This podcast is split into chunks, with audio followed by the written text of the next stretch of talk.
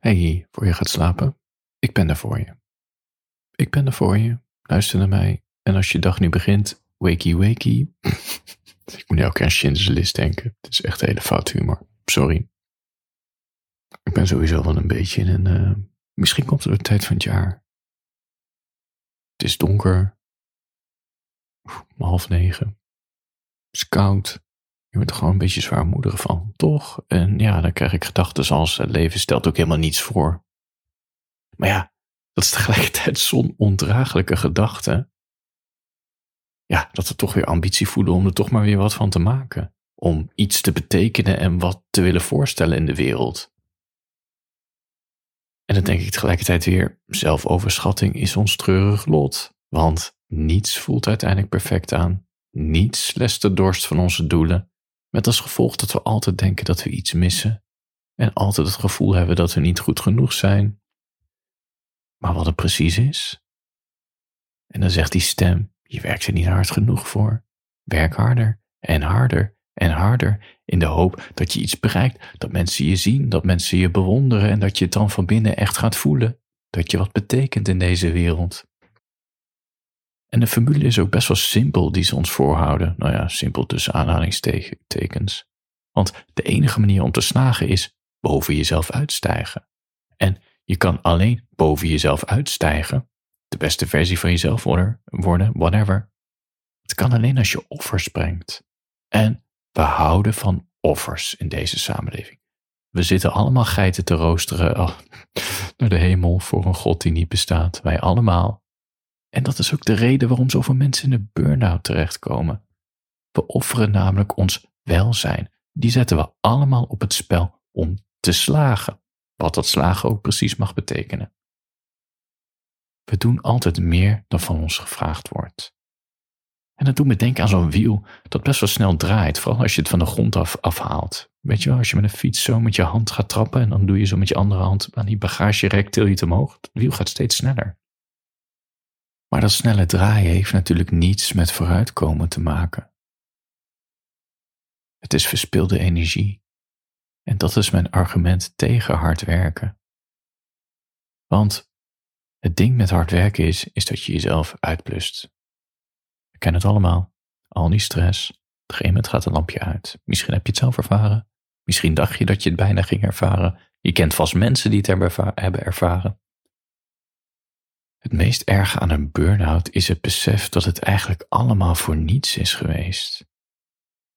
En diegene die het heeft, die betaalt de hoogste prijs, namelijk je gezondheid. En er zit nog een hele donkere kant eraan. Niemand bewondert je. Mensen hebben met je te doen. Ze hebben medelijden dat je een burn-out hebt. Opoffering is goed, maar dan moeten mensen natuurlijk wel zien dat je zoveel hebt opgeofferd om iets te bereiken. En als je een burn-out krijgt, dan ben je eigenlijk af in onze samenleving. Anders stelt het niet. Het doet me denken aan een zin in, volgens mij, het is het tweede boekje van Chuck Palahniuk, de schrijver van Fight Club. Uh, Survivor heet dat boek, over een cult, ja, een soort cultterrorisme. Een apart boekje is het. Op een gegeven moment zit daar de zin, if Jesus Christ had died in prison with no one watching and with no one there to mourn or torture him, would we be saved? Goeie. Een stukje verder staat. Because the only difference between a suicide and a martyrdom really is the amount of press coverage. Begrijp je?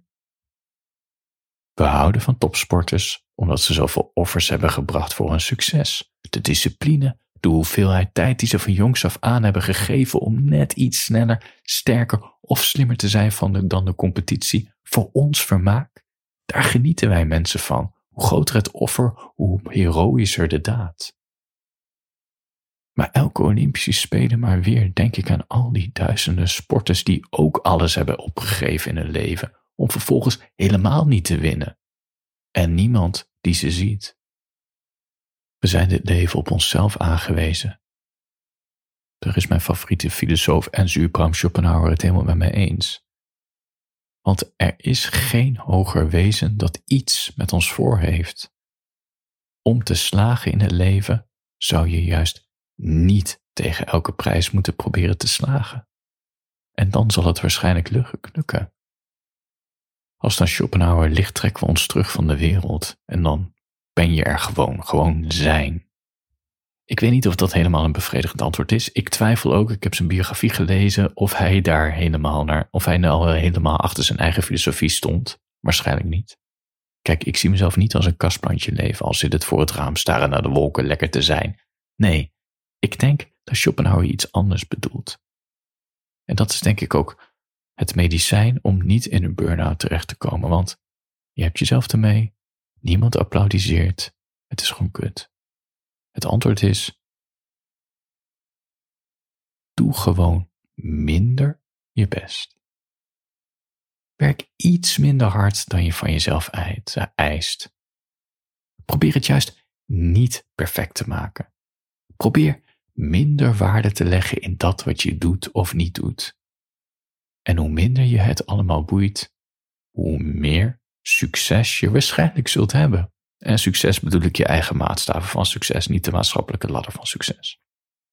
Ontkoppel je van, van je zelfoverschatting dat het jou niet overkomt en dat jij meer kan leveren, dat jij perfectie kan nastreven. Ontkoppel je daarvan, want je plust jezelf uit. Ontkoppel je van de drang om te slagen volgens de maatschappelijke normen, wat je alleen maar frustreert. Maar ik zeg niet, doe niet het tegenovergestelde. Ik zeg niet trek je terug van de wereld, ga niet als een cynisch, droomloos persoon rondlopen. Totaal niet. Doe gewoon iets minder je best en je zult verder komen in het leven. Voor je gaat slapen, ik kwam nog een klein tekstje tegen, die had ik als een soort motivatiepost voor mezelf geschreven. Vaak is het ding als ik een soort motivatiepost probeer te schrijven dat ik echt in elkaar cringe. Maar op sommige dagen werken die posts juist wel weer. Het is echt. Uh, het is maar een beetje hoe mijn pet erbij staat. Ik ga hem nu voorlezen voor jou. Het heet Niet de beste zijn. Je probeert alles in je leven perfect uit te voeren en dat lukt je nooit. Waardoor je gefrustreerd raakt en je er te veel over na gaat denken en vroegtijdig stopt met alles. Wat is het nut van dat? Het enige wat je moet doen is consistent en stabiel zijn in het leven. Dan kan je alles bereiken wat je maar wil. Stop daarom met focussen op jezelf en je eigen maatstaven. Concentreer je op je doelen. Vind de sweet spot om met een minimale inbreng te krijgen wat je wil, stap voor stap. Je hoeft niet de beste van de wereld te zijn met alles wat je probeert. Slechts iets beter dan anderen. Als je gaat voor perfectionisme, ren je achter iets aan dat niet bestaat. Je belast iedereen ermee. Je belast jezelf ermee. Je bent misschien maar een paar momenten in het jaar in staat tot iets perfect doen. De rest van het jaar ben je gewoon gemiddeld, zoals elke sterveling. Accepteer dat en je zult krijgen wat je maar wil.